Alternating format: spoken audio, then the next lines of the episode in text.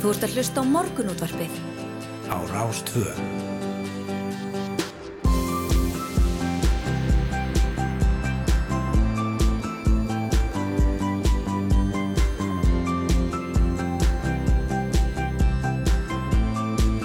Morgunútvarpið Á Rástvö. Morgunúttarpið býður góðan dag með ykkur daginn 18. mæ klukkunum þetta tímyndir í sjó það eru yngvar þóru og hölda gestóti sem að vera hérna með ykkur til klukkan nýju og það er fjölbreytur og, og skemmtilega þáttu framöndan Já, við látum það nú ekkit, ekkit klikka frekar en fyrir daginn Nei. og uh, við ætlum meðal annars undir lókþáttar að að byrja svo kallega gýrun Já, eins og sagt er. einmitt. fyrir úslita einvíi vals og tindastóls í, í hverfugnallik Karla, það er Já. otta leikurinn í, í kvöld. Það er svona gífurlega spenna og stemming í kringum með þessa leiki. Já, þetta er búið að vera rosalega hérna, mikill hasar já, í, þessum, í þessu úslita svona ferli og uh, farið allar leið, það er alltaf skemmtilegast þegar það farið í ottaleik og nú ætlum við að fá Jóhann Alfreð Kristinsson Valsara og Helga Sæmund uh, stuðningsmann Tindastóls til að koma hérna undir lok þáttar og, og aðeins að byrja að hitta upp með okkur Já, nákvæmlega. Nú taldum að hitt upp þá er verið að mynda meir hluta viða í sveitarföljum í kringum landið og hér í borgarstjórn. Notvitar framsóttan og samfélkingar rættu í kær hugsalegt samstarfi í borginni en samfélking, píratar og viðrist ætla nú að, að reyna að mynda meir hluta saman, að fara inn í þessa viðræður saman en vinstri græn eh, hafa ákveð að taka ekki þátt í meir hluta í borginni eins og fram hefur komið og því blasir við að það eru já, mögulega til að flóknar meiri hluta viðræður framöndan og við ætlum að ræða þessi mál við Sönnu Magdalenu Mörtudóttur, Otvita Sósélistaflokksins, Þórdísi Lóu Þórastóttur, Otvita Viðristnar og Alessandru Brím frá Pírutum. Já, svo er það breytingaskeiði sem allar konur gangi gegnum en einkennin geta verið mjög breytileg frá konu til konu og erfitt að ég þróa einhverja eina staðlaða meðferði eða líf sem að hendar öllum og e, gæna metika er lækning á heilsumiðstöð fyrir konur og breytingaskeiði sem að býður upp á heildræna meðferð og er svo fyrsta sinna tegundar af Íslandi sem að það er að segja sem að svona engangu horfir til þessa verkefnis og Hanna Lilja Ottgerstóttir er læknir hjá Gæna Medica og hún ætlar að koma til okkar og ræða þetta tímabil sem allar konur gangi í gegnum en fáir ræða opinskátt. Nákvæmlega.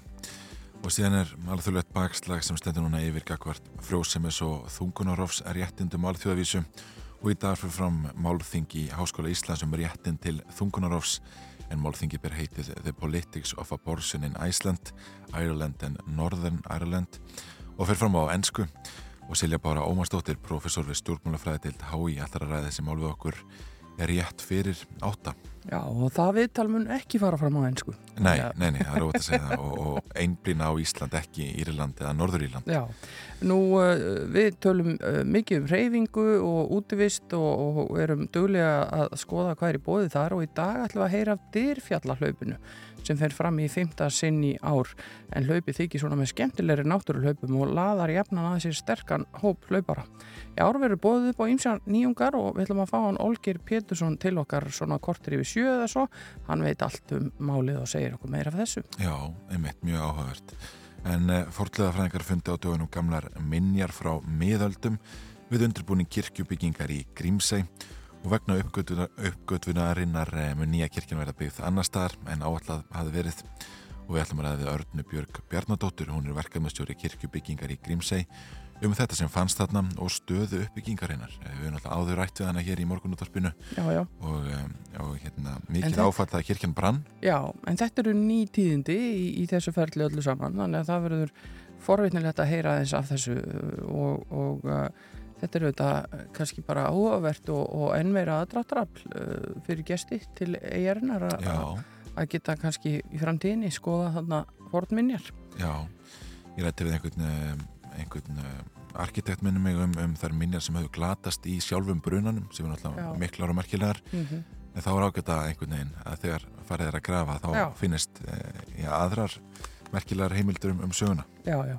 Nú erum við blöðin uh, að venju og ég stoppa strax hérna við eina fyrirsögn á fossið fréttablasins þar stendur höfuðstór fortsali mynd hérna. Sínst þetta að vera Sigur Pálmason hérna okkar maður úr, úr þáttunum fyrir alla muni já, já, já. með Viktoríu, það er hérna verið að tala við hann í, í fréttablaðinu undir uh, dálknum lífið. En forsýðu fréttin á fréttablaðinu fjallar hins vegar um neytendamál og uh, hér er verið að tala um Breka Karlsson, forman neytendasamtakana sem segir að uh, engin samkeppni sé meðal íslenskra bankavarðandi nótkun kreditkorta Erlendis. Út úr kortinu, segir profesor í hægfræði og hann segir hérna hann breki að þú nota kreditkort erlendis er þetta alltaf að borga, borga nokkrum prósendustugum hærra heldur en gengiskráning þess dags, segir tilum og hann kallar eftir samkeppni bankana í þessum efnum og gengismunur og kreditkortafæslum sé gífulegur. Þetta er stór tekið þáttur á bankunum og bankarnir mættu gera miklu betur í samkeppni hvað var þar gengi þeirra kreditkorta sem verið er að nota og uh, hér er líka að tala við Gilva Magnússon, professor við Háskóla Íslands sem segir að þessi gengismunur sé alveg út úr kortinu og þóknarnendar sem bankarnir taka gríðarlega háar oft mörg prósent ofan á þær komið svo fæslugjöldi Já. Þannig að hér eru uh, harðorðir hérna að þetta sé nú ekki, ekki í lagi þetta kerfi. Já, er einhvern veginn virðist oft að tilþurlega lítil samkjöfni á, bankamarkaði. Já. En taldum neytendur og, og fjármál þá er greitt frá því hér á fórsíðan morgunplassins að endurvinnslu fyrirtækið Pure North hafi samið við tvö sveitarfjölög um tilrunaverkefni til þryggja ára um flokkun og skil á endurvinnanlegum úrgangi. Og fleiri sveitarfjölög hafa sínt verkefninu áhuga en það gengur út á að íbúar flokki sjálfur úrgangin skila á móttökustöð fyrirtækisins og fái greitt fyrir. Og þar með myndist við líka kvati og gefist hefur vel við skil og drikjarumbúðum Já. Hérna, hugmyndin er að fyrstu fimm móttökustöðarnar er reistir í september segir hér. Og við erum þegar byrjuð að huga næstu fimm stöðum segir Sigurur Haldásson forstjóri fyrirtækisins. Og kerfið í dag er þannig að það kostar því lítið að vera sóði segir hann Já, það, það, það, það er ekki verið að hafa svona þessa kvata Nei. sem að Já, einhvern veginn er það orðið alveg innbyggt í mann og maður hendir ekkit flöskum og dósum. Nei, nei, maður getur fengið pening fyrir Já, þetta. já, þannig að það er hann hvort að sapna þessu og fara sjálfur í endurvinnsluna með þetta eða sjálf og eða þá að, að, að gefa þetta. Þetta er oft líka hægt að gefa þetta til góðra málefna og íþróttastarfs og ímislegt fleira. Já, nákvæmlega og síðan nú aðeins rætt hérna um uh, já, meira hluta viðraður í borginni óformlega viðraður mill átvita borgarstundaflokki Reykjavík held áfram í gær bæði með fundarhöldum og símtölum og sem, hverfist, uh, sem fyrr hverfist umræðin mikið um framsótt hvort hún vilji fremur horfa til hæriða vinstri. Og Hildur Björnsdóttir Ottviti sjálfþæðismanna átti langan fund með einari þóstensinni Ottvita framsóttnar í gerð og segja kunnir að hann hafi verið árangusríkur til þess að glöggva sig á stöðu og mögulegum samstarfsflötum Já, þessi málu þetta í fullum gangi, það er einmitt hérna á síðu fjögur í fréttablaðinu uh, segir í frétt uh, misflóknir samkvæmisleikir víða um land eftir sögulegar kostningar og uh, hér segir í Moselsbæ tífaldæðist framsvonarflokkurinn að stærð og í Reykjanesbæ fór kjörsóknin undir 50% meiri hlutarnir heldur á flestum stöðum en það er ekki ávísun á áframhaldandi samstarf. Og tala hérna við Höllu Kristjánsdóttur uh, oddvita framsvonarmanni í Moselsbæ meðal annars og, og haft eftir henni. Við erum að leita bæjastjóra, veistum eitthvað Já. Bara, það er enginn búin að tala við mig og þig yngvar Nei, einmitt, einmitt. Það þarf einhver að fara að spyrja okkur held ég. Ég held að það var ágætt. Herra, við fyrir að skipta yfir á fréttastofuna Hulda. Já, klikkum ekkert á því. Það er uh, fréttir núna á slæginu klukkan sjö og svo komum við aftur Þú ert að hlusta á morgunútvarpið á Rástvö.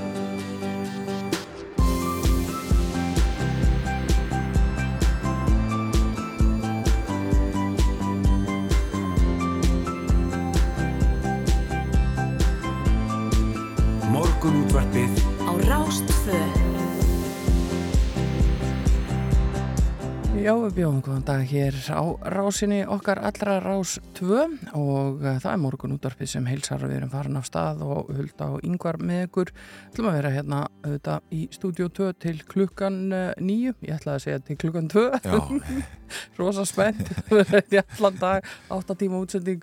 Já, og við ætlum að, að, að fjallum allt mögulegt, við ætlum að hitu fyrir Körfubólta einví í kvöldsins á líðarenda með stuðningsmönnum Vals og Tindastóls, við ætlum að ræða breytingaskeiðið og, og uh, fá uh, lækni til okkar til þess, við uh, rínum í sveitastjórnamálin hér í borginni, við ætlum að ræða þungunarof og forleifar í Grímsei, ekki í neinu samengi þó. Og svo er það dyrfjallahlaupið sem að fer fram í fymta sinn í sumar allt þetta framöndan hjá okkur hér auðvitað en ef við ekki að kíkja eitthvað á, á veðri og svona. Jú, það hefur leikið við okkur svona síðustu daga, Já. verið mjög gott. Dásamlegt alveg. En eh, hér segir í hulningum veðurfræðings að í dag komi úrkomu bakki inn á austanverðlandið og fær svo til norðurs og vesturs. Samt sem aður snertir hann Suðurland og sunnanverðan fagsaflóa lítið sem ekkert en að móti maður búast við skúrum á víð og dreif engum síðdeis og í kvöld og samfara úrkomunni verður hitin á byrjunu 5 til 10 stig en geti farið í 15 stig annars Mm. og á morgun og fyrsta verður áframaldandi fremur mild austlæg átt og þegar við lítum hérna á, eh, á kortið eh, þá er svona já, rigning eða, súld austalands og, og síðan fyrir norðan en, en það er nú hlýtt um allt land getur við sagt, eins og Já. verið hefur síðustu dag það eru Já. 13 gráður eh, hér um hátegispil á svo vesturhorninu og svona dansi kringum 10 gráður annars þar Mm. Þetta lítur ekki dýll út. Ef að á meðan að helst þokkalega heitt á, nú bara fínt að fá smá rigningu. Við viljum sjá, Já, sjá sprettu hérna í, í uh, úthögum og, og túnum. já, Þannig að þetta fari, fari vel af stað. þetta er bara fullkomum veður Já. Eh, Við erum hvertum ekki neitt. Nei, nei, einmitt, síðan má bara geta það sem saði í sjöfréttunum svo sem að, að um, sko allir, all margir skjáltar hafa mælst á Reykjaneskaga í, um, í gerkvöld og í nótt nokkur á bylunum 1-2 aðstærð en svo stærsti var að stærðinni 2,7 löst fyrir klukkan hálf 5 Já. en það voru nú flestir svoandi Já, jú, jú, einmitt. Nú uh, inn á VV-gerðarinnar er bent hérna á uh, framkvæmdir. Það eru þarna byggblæðingar í, í dölum á vestfjaraðvegi, milli Bröttubrekku eða Svínadal sem að þarf að- að hafa í huga og svo er verið að vara hér við miklum slilla skemmtum á sunnanverðum vestfjörðum og það er unnið að viðgerðum og vegfærandur bænir um að sína tillitsemi og það er líka verið að vinna að viðhaldi á veg, öxlum og slillagi á kleifaheiði og umferðar hraði þar lækkaður á köplum og má búast við lítilsáttar umferðar töfum. Fólk hvað til að aka með gát að sjálfsögðu og, og uh, við tökum því. En uh, fyrsta lag dagsins er klárt. Ég ákvaða að sækja í kistuna hér smá kaljó því að hljómsettin er á tónleikaferðum bandaríkinum þess að myndir og spilaði gær í, uh, á þessum geggja tónleikastað Já, Red Rocks í Colorado. Og þetta er sögufræðu tónleikastæður og einstakur, þetta er svona nokkur skona kvilt inn í klettónum, svona frá náttúrunar já, hendi. já, ég sé þetta, akkurat. Já, og þannig er, er, er settur upp þarna svið og, og sæti þarna í kring og, og uh, þetta meðal annars varð þessi, þessi tónleikastæður varð eiginlega heimsfrægur þegar hljónstin U2 sem þá var bara ungað árum Já, hélt þarna tónleika og gaf út á plötu og, og myndbandi já, Under a Blood Red Sky og, og Kali og voru sem sagt þarna á þessum fræga tónleikastað. Og ég sá að hljónstin Lone sem að hefur verið í, í bandaríkjunum og einmitt verið að spila í Denver var þarna mætt, þeir byrtu mynd af sér á Facebook og svo voru þarna fransískin mín í, í Colorado sem að fóru þarna og það voru allir á einu málum það að þetta hefði verið alveg geggjuð upplifun þannig að já, það hefði verið gaman að vera þarna með Kali og við látum okkur döga að, að dreyma um það í bili og hlustum bara á skinny hér á Rás 2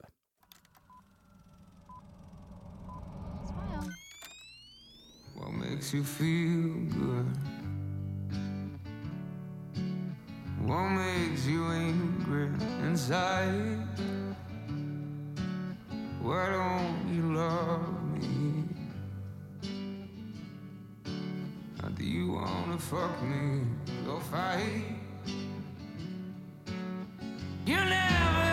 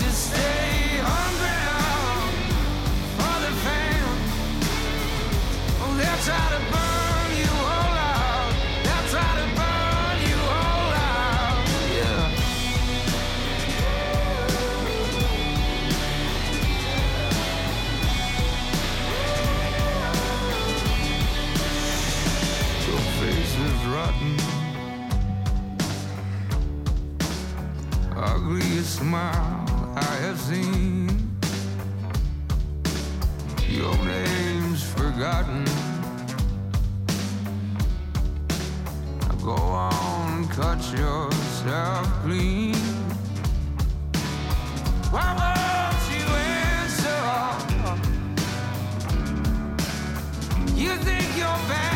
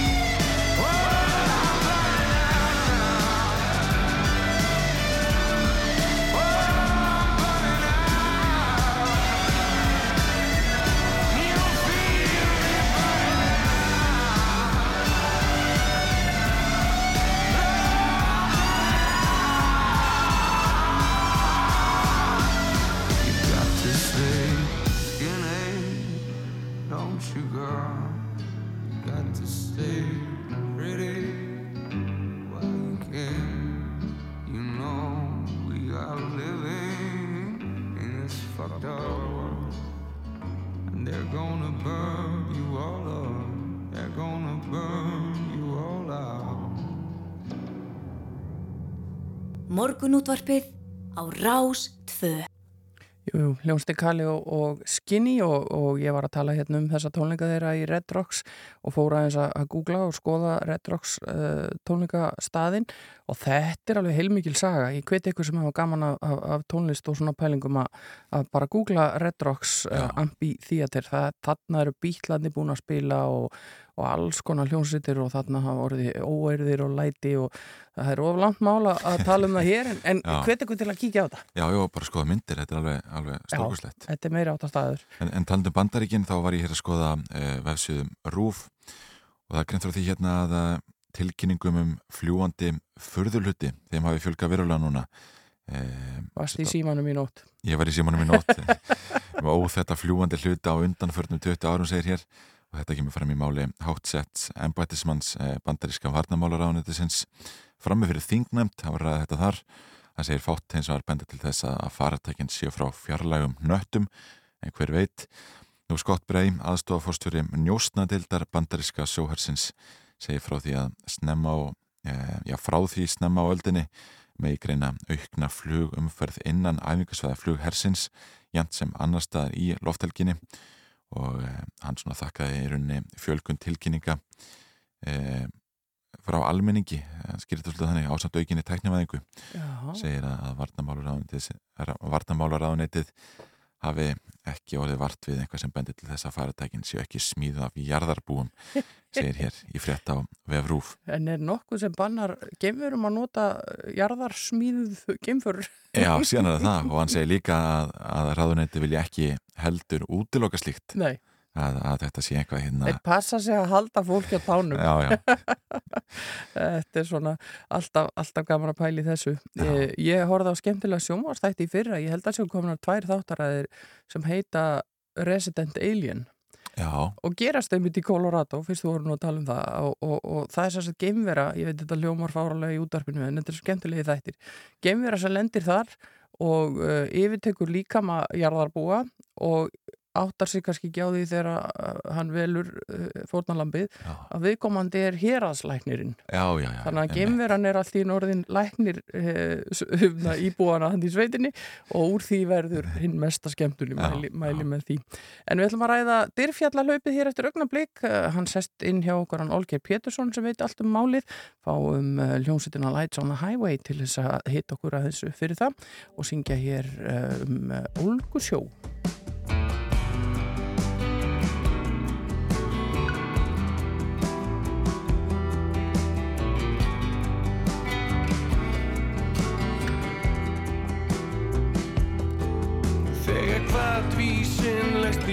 í ósamþykta malbyggum Vaknar ókindin sem er ætil staðar. Leggur inni blen að flót í synda vökvanum Líkt og spýr allir á við hraðar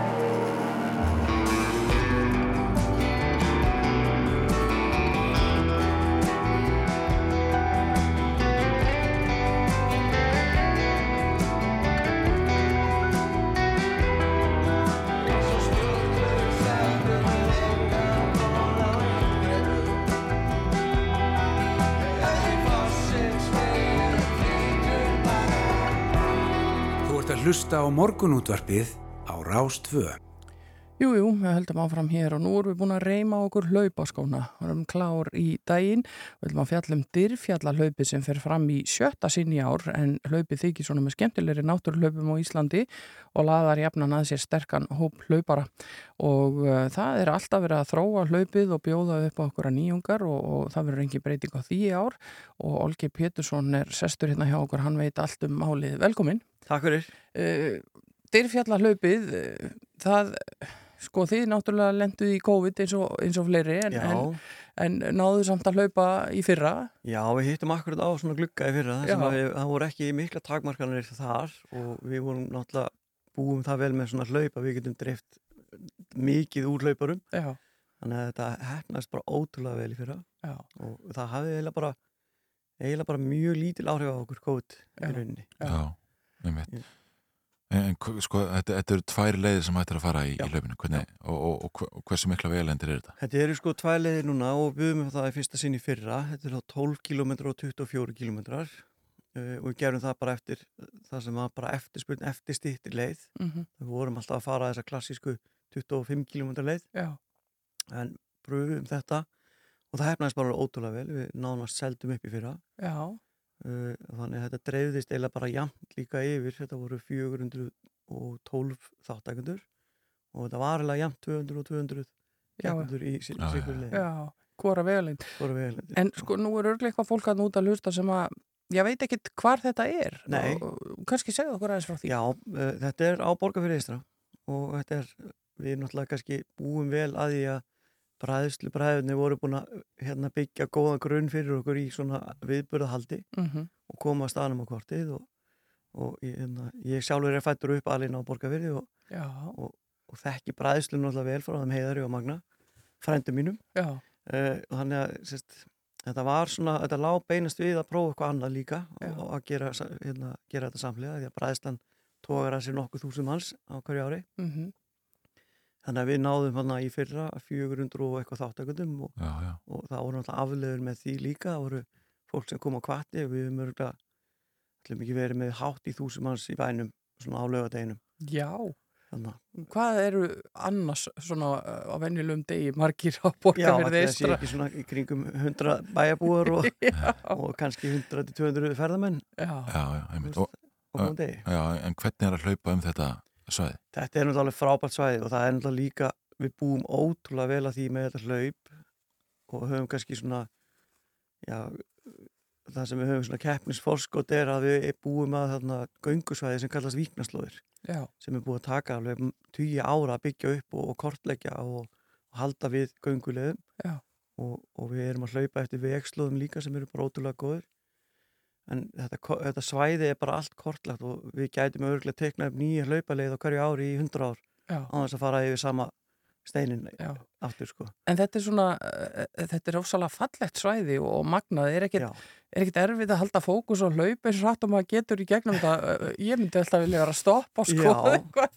sko ég er alveg, ég er alveg hérna uh, sko segi alltaf þegar ég er að hlaupa og, og er að hlaupa með þess, eða, við þá sem ég er að hlaupa með að muna að njóta Já, það er alveg hefur verið svona slagur sem ég hef átt hérna, að stoppa fólk sem er algjörlega búið á því og beða þeim að hæja á sér og, og, og muna að njóta já. Já, En þetta er, samt, þetta. þetta er samt keppni. þetta er keppni en utan með að hlaup eru þetta aldrei þannig að þau eru svona þetta er, þú ert að keppa við sjálf maður Já, fyrst og er, fremst. já, það er hann eins og í fyrra við 12 km leiðin sá sem vann hann að hafa klukktíma að hlaupa hljóp 12 12 km og þetta eru, þú ert náttúrulega að hlaupa upp tvö fjöll Já, í þessum 12 km og hann var klukktíma mhm, og wow. það er náttúrulega bara eh, þetta eina prósent sko sem að nær því. Hinnir eru bara að keppa við sjálfan sig. Já, skilur þe- þeir áttu ekkert sens í hann hann Nei. hérna Þorstein Rói sem, að- sem að vann. Já, en þá ertu bara að keppa við sjálfan og þá ertu bara, þetta er áskorun sem þú setur þér þú, það er áskorun til dæmis bara að kaupa miðan mm því þegar þú kaupir miðan þá ertu að einsetta ef þú ætlar að gera þetta á þessum degi. Já, búin að skuldbinda þig aðeins, Já. ég ætla að fara þessa leið. Einmitt, og Og svo er önnur áskorun að koma þér á marklínuna og standa þarna og með hnút í maganum yfir hvað, yfir hvað eru búin að koma þér út í. En svo er tíminn skiptir henni engum máli. Nei, nei, nei, það er það er engin að íta þau hvað lengi að hlaupa eða hvort það sé einhver að fara fram úr þér ekki. Já, það getur vel verið að sá aðali stoppa einmitt og taki myndir og þú fer fram úr honum Já, þá aftur sko. Þetta er þú- bara að koma sér að stað. sko. Já, þú varst að segja okkur hérna áðan að, að áður en við fórum í lofti að, að þið ætli núna að, að hafa þetta svona aðeins uh, viða meira þannig að fólk geti Já. stoppa lengur við. Einmitt. Það er eiginlega bara svona langþráðu draumur að gera svona helgi úr þessu. Við höfum alltaf verið með þetta bara á einu degi, laugadegi og yfirleitt höfum við verið með mat eftir og, og tónleika eða einhvern viðburð. Það hafa komið til okkar, sko Valdimar hefur komið og spilað, í fyrra voru Jón Jónsson og Friðdór hjá okkur Já. og fylltu húsið í Fjarlaborg og alveg frábæri tónleikar þar. en núna langaði okkur að gera þetta öðruvísi og taka þetta yfir þryggjadaða helgi Já. að fólk geti komið til okkur á föstudegi verið yfir allan lögadaginn skemmt sér og, og farið svo bara sátt að sofa á tjálsæðinu eða Já. hótelinu og tekið svo viðbur líka á sunnudeginu þannig að núna erum við með að hann hérna Ari Eldjátt kemur til okkur á föstudaginn og verður með uppistand í Fjallborg Mhm. Eh, hlaupið er á lögadagsmorninum og það tekur svona við byrjum klukkan tíu um morgunin og það er að enda svona klukkan fjögur. Já. síðan erum við með jóka út á bryggju. Bryggjan, ef við hefum komið að borga fyrir bryggjan svona hún stendur aldrei langt út í fjörðin Já, já, það er alltaf að vera með jóka svona í miðjum í svona hjarta bæjarins í raunni síðan er matur og síðan eru tónleikar með hérna, FM Belfast já, já. og meiri sér verður sko karaoke á undan tónleikum Þetta ljóma frábæla. Má maður koma þó maður hlaup ekki neitt? Já, það er bara málið sko. það er alveg, við erum daldi líka að reyna að finna bara viðböru fyrir alla sko. Já, já. já. Fólk Það er sem kannski ykkur einn í fjölskyldunni sem að fer í Já, hlaupið og já. aðrir vilja vera með og, og njóta svæðisins. hlauparinn, sá sem að hljópa, hann kannski hefur engan á að gera eitthvað svona Já, hann er bara búinn í löpunum og náttúrulega bara að fara að sofa þá getur hinn, restina af fjölskyldinu komið og skemmt sér með okkur já. Hvenar er þetta? Herri, þetta er 9. júli, er hlaupadagur þannig að þetta er helgin 8. til 10. júli Og hvenar þarf að vera búið að skrá sig?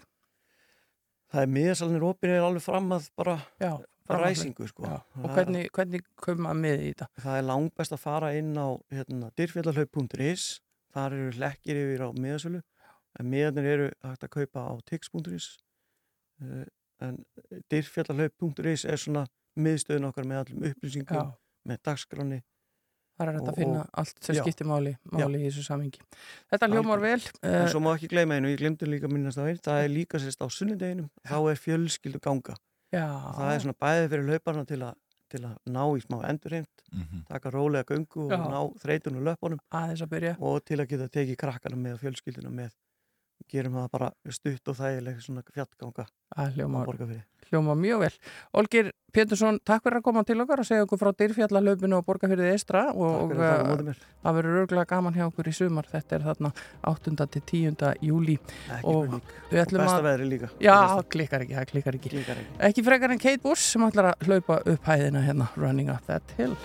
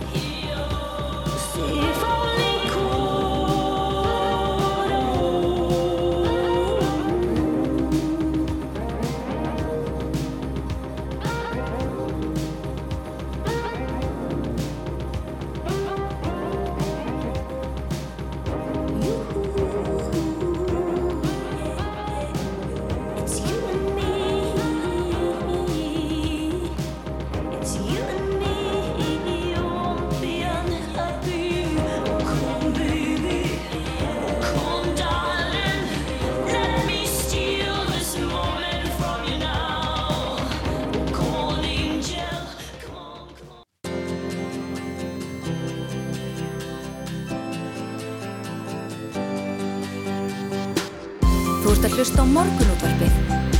Á Rástvö. Jú, jú, frétta yfir þetta baki og morgunúttarpið heldur hér áfram að vöðlinn til Grímsegar en forðlega fræðingar funda á dögunum gamlar minjar frá miðöldum við undirbúning kirkjubyggingar í Grímseg og vegna þessara uppgötunar mun nýja kirkjan verða byggð annar staðar en áallad hafði verið og Arna Björg Bjarnadóttir verkefnastjóri kirkjubyggingar í Grímseg er komin á línuna, góðan daginn. Já, góðan daginn. Hvað er að nákvæmlega sem fannst þarna? Já, það eh, komu í ljós, eh, það komu í ljós kirkjugarsveggur sem er líklega frá miðöldum eða fyrr og nokkra grafir og síðan líka mikill öskuhaugur sem er náttúrulega algjör gullkista eh, fyrir fólklega fræðinga og, og fyrir okkur öll því að þetta öll að þar er, er, er gertan að finna ómyndarlegar upplýsingar já, bara um mataræði og lífskiliði og lifnaðarhætti fólks fyrir á tíðum. Og ykkur grunaði ekkert að, að þetta væri þarna í jörðinni? Nei, við heldum að væri ekki þarna. Það, hérna, við, það var teknisk áplustunga 8. mæ og, og hérna beint í framhaldi að þá hóðu fórlega fræðingar störf uh, sagt, við nákvæmna bara rannsókn eins og, eins og hérna löggerar á fyrir þegar vera fara í svona framkvæmt og við heldum að þeir eru kannski svona þrjá daga en þeir eru ennþá út í, út í eigu en fara reyndar heim í dag og hérna og taka með sér e, e, hluta til dæmis á öskuhaugunum og þannig að núna eru framöndan bara ver- verður farið í, í greiningar og frekari rannsóknir þannig að það verður mjög spennandi að sjá hvað kemur, kemur út úr þessum rannsóknum. En er þetta sem sagt þá bara á sama stað og, og gamla kirkjan var? Átti nýja kirkjan að- að re- að reisast á sama stað og svo gamla? Já, já. Það, það stóð til og reyndar að, að sko stækkana aðeins að hún hérna stóð til að hún myndi ná og stendur til að hún myndi aðeins ná út fyrir gömlu kirkuna uh, en það sem við gerum núna að, að hérna við færum hann í raun og veru bara aðeins aftar fjóra metra Mm. þannig að kirkjustæði svona þannig laga ásýndin að hérna, verður og aðkoman eh, svipuð og, og, og var. Já. Og þeir eru búin að setja á stað söpnun og hafi verið svona vekja aðtekli á, á þessu verkefni eh, undanfarið. Eh, Hvernig fer þetta á stað? Hvernig eru viðtökur við, við nýri kirkjubyggingu í Grímsey? Það hafa verið mjög góðar viðtökur og raun og verið fór bara að söfnunin strax á stað að frumkvæðir andar heldur í grímsenga og hérna e, fólk virkilega fann til með, með grímsengum í hérna bara strax í haust. En síðan er, komin á stað söfnun og hérna og það er hægt að fylgjast með hvernig söfnun gengur á e, grímseg.is skáslit kirkja og hérna eh, okkur vantar ennþá, það vantar ennþá 35 miljónir en það hefur gengið mjög vel að sapnast núna undarfarið og það bara sérlega á þessari síðast að fylgjast með svona bara með hverju miljón sem að sapnast og þá hérna breytist mynd, falleg mynd sem er hérna á síðunni. Já. Einmitt. En sko þú talar um það að þurfa að færa eins til kirkjuna vegna þessa fundar eh, en senka það líka öllu verðinu? Nei, nei, það hérna, það var svo sem alveg útlitt fyrir að myndi eh, jafnvel senka en það mun ekki gera það og núna bara eru smiðir á leiðin út í ferju og hérna er að fara út í Grímsey. Þannig að á næstu dögum verður sleið upp fyrir nýri kirkju og, og framkvæmdir eru bara að hefjast á, á fullu. Þannig að það verður mjög mikið já, þannig að það verður mikið um að vera í Grímsey í sumar því að, að við, það verður líka önnur fórlega rannsókn í gangi það bara vill þannig til. Já. þannig að hérna, sem er bara kortlagning minja og, og, hérna, og það er endar, við vitum um annan öskuhaug sem að er í hætti vegna land, landbrots þannig að það verður hérna, eh, hann verður rannsakaður og, og, og fleira hann út í eigu. Og hérna, já, þannig, seg, já, þannig að það verður mikið um að vera út í eigu í sumar. Þannig að það er svo fordlega rannsaknir og það er kirkjubyggingin og svo ætla ferðarþjónustan í, í fullum blóma og ýmsir viðburðir. Þannig að það verður nóg, að nóg um hérna- að vera. En, en þessi, eh, þessi uppgröftur sem er núna framundan eða vera að skoða þessa minjar sem hafa komið í ljós, má kannski, það er kannski ótímabært að tala um það en, en má kannski láta sér dreymum að þarna verði eitthvað af þessum munum til sínis við eða í nýju kirkjunni þegar að því kemur. Já, það er nú svo sem ekki búið að taka ákvörðun um það en það er samt búið að taka ákvörðun um það að það verði einhvers konar síning í hérna andiri kirkjunar, nýju kirkjunar því að hún er líka eh, gegna svona fjölþættu hlutverki. Hún hérna þannig að vera er svona hús sem er tilvæli fyrir tónleika og þess aftar þannig að það verður ekki bara helgihald. Eh, þannig að það má vel vera að eitthvað úr þetta bara hluti af kirkjusögunni það sem að hérna er að finnast þarna þannig að það má vel vera að það verði einhverju munir sem að verði til sínis í, í andir kirkjuna nema bara að það finnist enn meira og reyna að vera sett upp bara einhver sér síning, það var náttúrulega bara draumurinn. Já, já. maður veit aldrei. Miðað við þetta þá er ímislegt sem kemur í ljós þegar, þegar farið er, að- er að skoða. En eh, hvernig er hugur í grímseyingum? Þetta var náttúrulega, eh, þetta var áfall hann í haust eh, með brunan og, og svona gengi á ímsu undanfarin miseri en, en uh, sumari framundan eins og nefnir og, og ferðaþjónustana að rétta úr sér er, er, lítur þetta vel út hjá grímseyingum? Já, þetta lítur mjög vel út. Eh, Sumarið eins og bara tölum ferðarþjóðsna lítur mjög vel út og grímsöngar bara eru bara einhvern veginn þannig fólk að þeir láta hérna, láta ekki slása út af læginu og bara halda áfram og ótrúlega kraftmiklir. Já, Þannig að hérna, það, er bara, bara bjart framöndan og, hérna, og svo ég nefnir þetta bara eitt dæmi, sko, hvemfélagi tók sér til með stíl í vetur og sett upp starfsaðstöðu. Þannig að það er komið upp aðstæða fyrir störf á staðsetningar sem að hefur verið þó nokkuð mikið notuð. Þannig að, og þannig að það eru ímis verkefni líka bara sem að eru að spretta upp að frumkvæði heimamanna. Já. Það er ótrúlegu kraftur, það er alveg, alveg fyrirmyndar. og stefnir gott sumar. Já, stefnir mjög, mjög gott sumar. Ég þetta sé ágætis að loka orð um, Arna Björg Bjarnadóttir verkefnastjóri kirkjubyggingar í Grímsey Takk fyrir að vera á línni Takk hérlega fyrir. Já, við sendum bara bestu kveðjur norður og, vonum að þetta gangi allt sem allra best. Takk fyrir spjallið. Bestu þakkir, bless, bless. Bless, bless. Já, við ætlum að halda áfram hérna og hún sest hjá okkur eftir augnablík, hún uh, Silja Bára Ómarsdóttir, profesor við stjórnmálafræði til Háskóla Íslands. Við ætlum að ræða, já, þessa, eh, þessa umræðu og þessar breytingar á, á, á svona frjósemis og þungunaross réttindum og alþjóða vísindu, vísu. Það er, uh, gengur mikið á og, og talað um alþjóðlegt bakslag í þessu samhengi. En uh, fyrst ætlum við að heyra hér í Karl Orgel tríó og það er hún Salka Sól sem eh, syngur og kannski rétt að benda aðdándum hennar á að hún snýr aftur hinga á Rás 2 á lögadaginn kemur. Já, já, því fagna eflust margir Já, ábyggilega, hún verður hér á sínum stað á, á lögadags morgunin. En uh, heyrum þetta lag, Brefbátar. Við gerum brjóðbáta og stefnum þeim til hafs. Þeir sigla út á sjónarönd í átt til sólarlags. Og fram á gangi hljóna fótatökin þín. Svo hverfur inn í svifrikið og með því svörin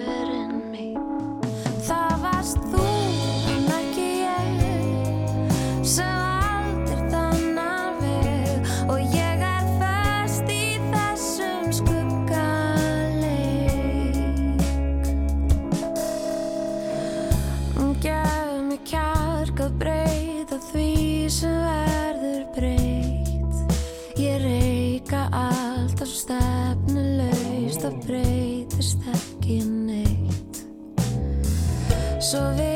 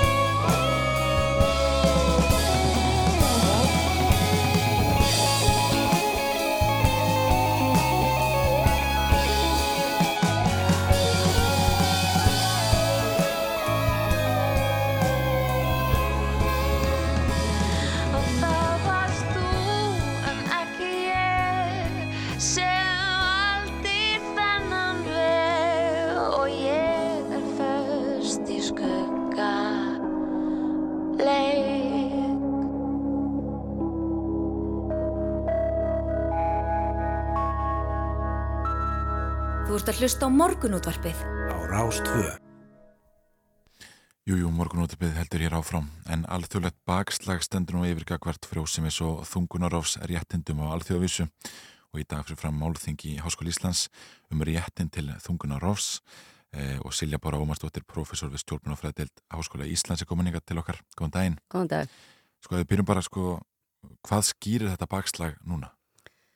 Ég, þetta er náttúrulega hefur verið, uh, sko, þetta, þetta er svona 30-40 ára ferli í raun og veru sem við erum að sjá núna ákveðin svona topp á, eða vona ég að þetta sé toppur, að allt frá því að, að íhaldsöfli í bandaríkjónum byrjuðu að, að skilgreina uh, réttin til þess að, að að, að uh, hafa aðgengi að þungunarofi sem vafa saman og, og berjast gegnunum á bæði heimaferir og alþjóðavísu þá höfum við séð uh, svona trúar uh, leðtoga, kirkjur, stjórnmálaöfl tala sér saman og, og reyna að spórna gegn þessum réttindum til þess að reyna að skilgrina þau á ákveðin hátt.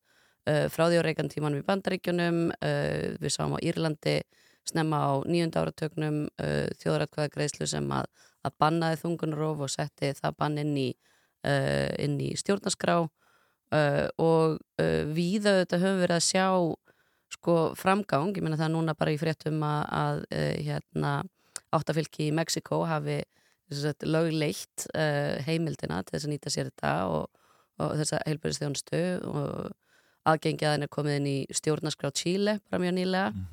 En, uh, en á sama tíma þá er alltaf einhvern veginn þessi uh, það, er alltaf verið að þrengja að þessum rétt eða tilraunir til þess og það er gert á svona vissa, vissa vegu svona hugmyndina sem við sjáum notað það er að, að uh, konum sé stemt í hættu uh, þetta sé hættulega aðgerð þær gætu yðrast þannig að það er svona notað ákveðið orðfæri sem að, að dregur úr hugmyndinni um, uh, það, um það að konur geti tekið ákvarðanir um sitt eigi líf og, og borðið ábyrð á þeim. Og uh, að mörgu leiti þá er þetta leið til þess að virkja hópa í uh, samfélaginu til þess að, kjósa uh, vegna þess að þeir hafa þessar hugmyndir eða talja þessar hugmyndir réttlætanlegar til að virkja þetta fólk til þess að mæta á kjörstað til þess að kjósa íhaldsöfl og, og, og það sjáum við uh, hérna líka með réttindi hins einn fólks og, og svona já, að, að virka þessar hérna afturhalds hugmyndir til þess að, að halda völdum í samfélaginu þrengja réttindum ákveðna hópa til þess að gera þá undirskipaða. Það sem við viljum að reyna að skoða og við erum með í verkefni sem að fengum styrk frá Rannís fyrir uh, rúmu ári.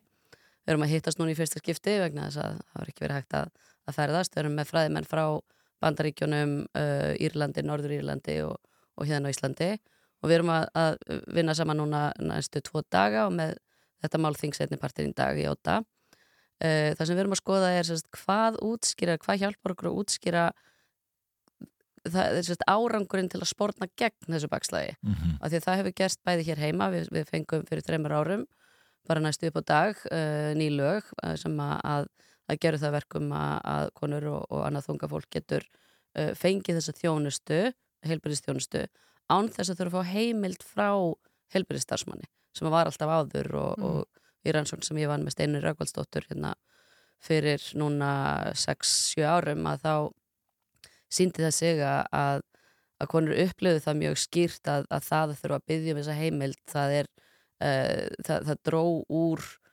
uh, bara líðan þeirra gerði líðan þeirra með þessa ákvörðin verri vegna þess að þetta var ekki þeirra þetta var einhvern veginn að þurfa að byggja um leifi Mm. til þess að taka ákvörðin sem að varðar þína velferð um, hér heima var þetta uh, ferli mjög mikið inn í þinginu.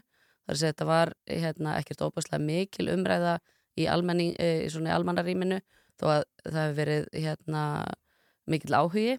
En á Írlandi til dæmis þá var þetta þjóðaratkvæðagreisla vegna þetta var í stjórnaskrá og þar var hérna, mjög mikið verið að svona uh, takast á um þessi mála á samfélagsmiðlum og svona ákveðin orræða sem er sett fram sem við sjáum alveg endur speglast í orræðinni hérna heima, hugmyndin um sjálfsákvörðanréttin hugmyndin um eftirsjána hugmyndin um að já, ef þetta væri svona auðvelt að hérna að þá gæti nú verið að, að það væri full heilbrið börn að hérna svona draga úr uh, sagt að það væri líf fóstursins væri mikilvægara heldur en líf uh, hennar þunguðu mannesku uh, þannig að já, þeir, svona hvað er það sem að hjálpa okkur skilja hvern við náum árangri vegna þess að þessi þetta bakslag er svo víða og það er svo djúft grópað í svona íhaldsmenninguna að, uh, að þetta, það, það skiptir málarinn átt að sjá hvernig er hægt að spórna gegn henni þetta sjáum við í Austur-Evrópu uh, Rúsland, uh, hérna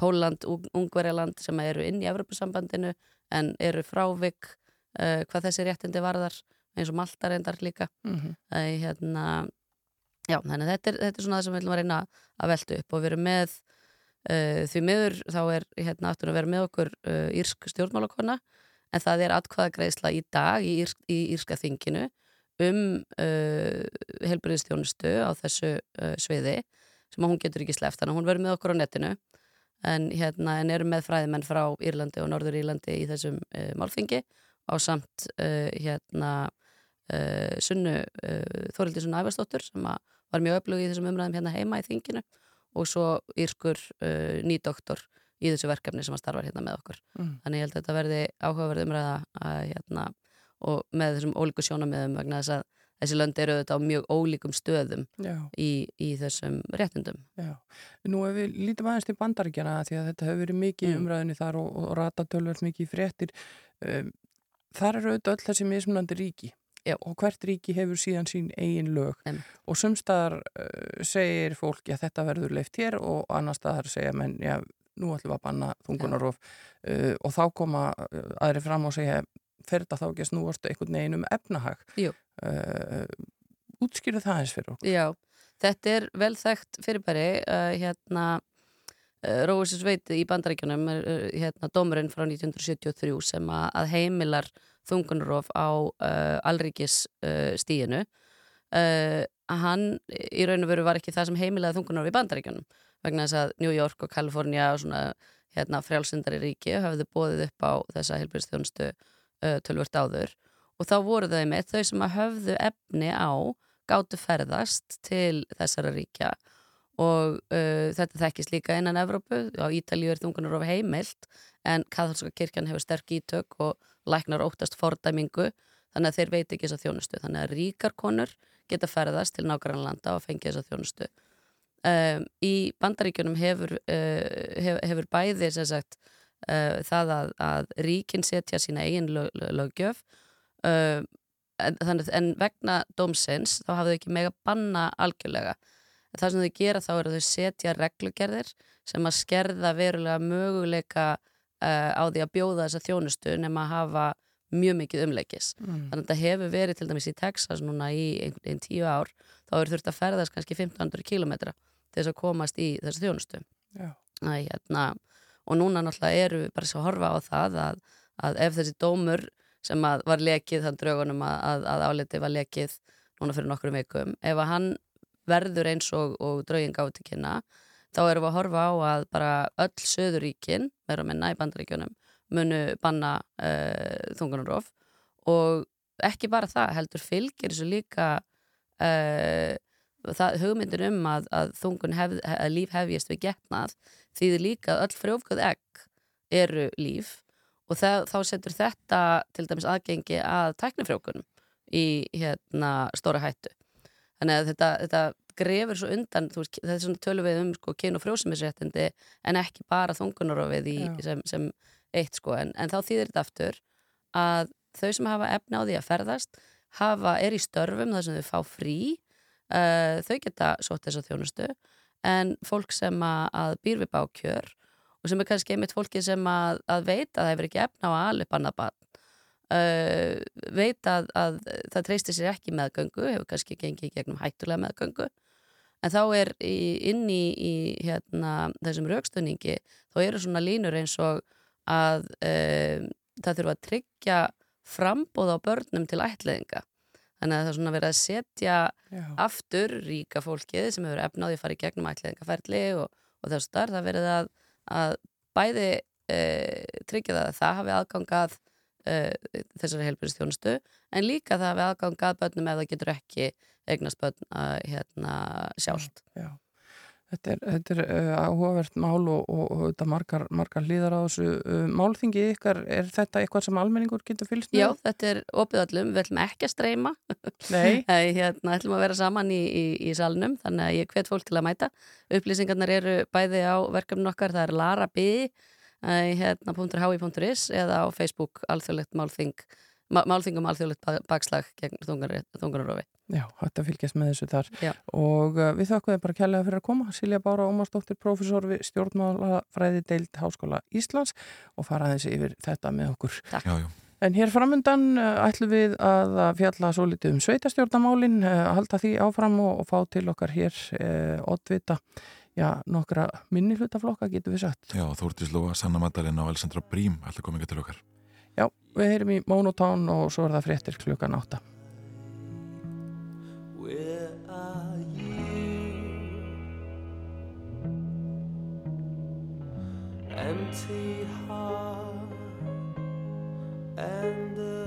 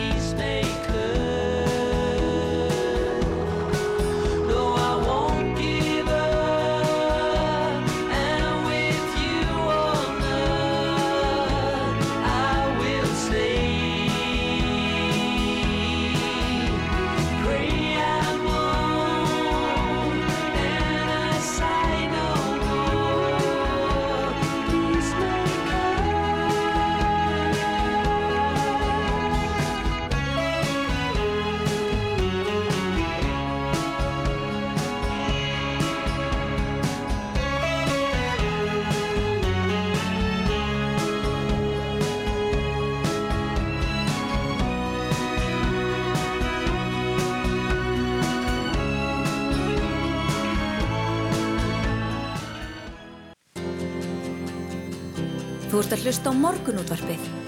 Á Rástvö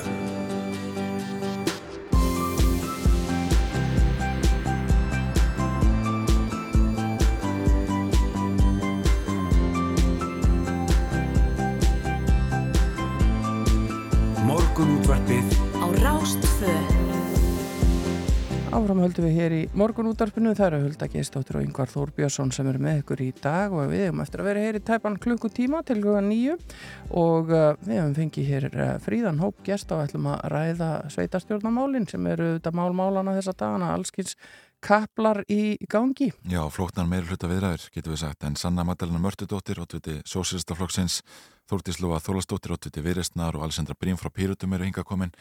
Já, góðan daginn. Góðan daginn. Góðan dag. Sannig, við byrjum á þér, Sósistaflokkunum vinnur kostningasígur í þessum kostningum. Uh, við hverju hefur þú rætt og, og hverju hafa rætt við þig? Hvað var það meira hluta? Ég hef hérna bara tekið svona óformleg símtöl og við erum ekkert komin í neinar svona meiri hluta viðræður og ég hef verið að tala við mitt fólk á síðustu dögum og þetta er bara svona símtöl og hérna það er einhvern veginn fólk að ringja í, í annað fólk og, og svo leiðs og bara heyra í, í oddvitum og við sjáum það náttúrulega meiri hlutin fellir núna á lögadaginn og, og það hefur ekki verið þessi áhersla á húsnæðisuppbyggingu fyrir fólk í þörf og við sjáum það að hægri flokkarnir er að missa hér fylgi og, og fylgið er svona dálta að fara inn á, inn á miðjuna og við sjáum það að það er fylgisaukning hjá vinstrinu og svona rótækari flokkum og þar sem að við sósialistar segjum og eins og við sjáum þetta að það er hér mikilvægt að verði nýtt upphaf að það verði byggt á þessum grunni þar sem það verið að líta til emitt grunnþarfa fólks og húsnæðis uppbyggingar og það verði svo nýtt upphaf í borginni að meiri hluti sem að verði mynda er að hann horfi og líti til þarfa fólks og hérna byggja upp svona út frá þessum félagslegu innviðin sem þarf vissulega að styrkja. Mm. Þannig það er megin markmið okkar núna. Já, ertu búin að ræða við Einar Þorsteinsson og ef svo er, finnst þér stefna sósistaflóksins rýma ágætlega við stefni framsunnar? Ég held að sé ekki rétt að vera eitthvað að segja við hvernig ég hef talað og ekki talað, sko, þannig að... En áttu eitthvað svona óska samstarfsflokk? Já, ég, sko, það sem ég myndi vilja gera núna er að við samanlstum það að hér verði félagshyggjastjórn, að við segjum það bara skýrt út, að við tölum um að við viljum hér mynda vinstri stjórn, svona frá miðju til vinstri og þá sé ég fyrir mér að það geti verið samfélking, sosialistar, framsókn og vafkja. Mm. En nú, nú tala vafkja um það að vilja ekki mynda meira hluta, eh, gengur það upp að, að þau segja það?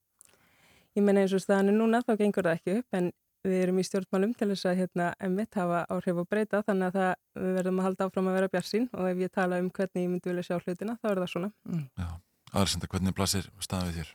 Uh, nú bara þannig að náttúrulega píratar sóttu svolítið á í þessum kostningum bara unnum það sem ég myndi segja bara tölverðan kostningasegur og í rauninni finnst mér áhugavert að við erum eini meirultaflokkurinn sem að bætir við sig þrátt fyrir að þurfa svona svolítið að svara fyrir það sem er búið að vera gert á fjörgjörðumbilinu sem að fólk var náttúrulega við erum án, ánað með en voru kannski ekki allir Mm -hmm. en etna, við, þurfum bara núna, það er rauninni ljósa komi, það er ljósta þessi meirluti sem var held, heldur ekki þannig séð áfram. Við þurfum bara að skoða okkar stöðu út frá því hvað er komið og mér finnst að vera góð ákvörðun að ljósa þess að það þarf bara að reyna að fara, fara í það að mynda nýjan meirluta þá uh, mynd, megar að sens fyrir mér að við sem að höfum búin að hafa góða reynsla því að vinna saman vinnum svolítið saman í því að na, halda utanum það sem við erum búin að vera sammála um, sérstaklega þá bara eins og í skipilagsmálum og svona að na,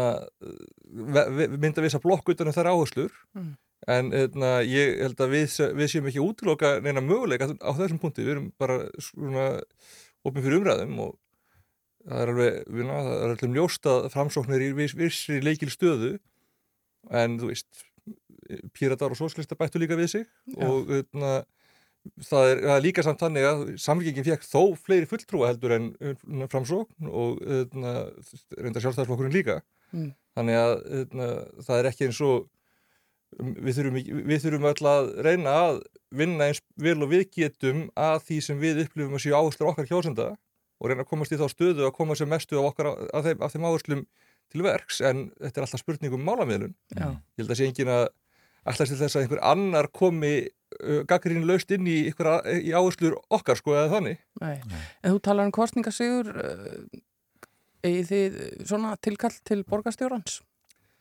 sko píratar eru náttúrulega mi- miklu meira að pæla í na, má- svona málumnunum að ná, ná, ná þeim málumnum sem við stöndum fyrir áfram en það er alveg rétt að hérna, við erum með tiltrúlega sterkar stöðu og við myndum, við út, útlökum svo sem ekki neitt. En aðlót frá því að borgarstjórastóðlegin eða formenska í borgarað eða eitthvað svoleiðis er mjög öflug leið til þess að koma málefnunum okkar áfram. En ég myndi segja að það sé kannski ekki já, það er bara, það er ekkit útilokað en við erum ekki að gera einhverja slíka, einhverja harðakröfu um slíkt. Ég meit, sko borgarstjóri nefndi það mitt í viðtalið hérna í morgunundóðspinu á mánudagina að samfélkingin Píratar og Viðreysn ætla að fylgjast að í þessum uh, meirflutta viðræðum þóruði sko hversu langt er gengið í þeim efnum uh, útilokar Viðreysna tegja sér til hægri Við, það er nú bara orðið mjög hættulegt að opna muninu um eitthvað slíkt því að það, það getur orðið mjög spíralíst.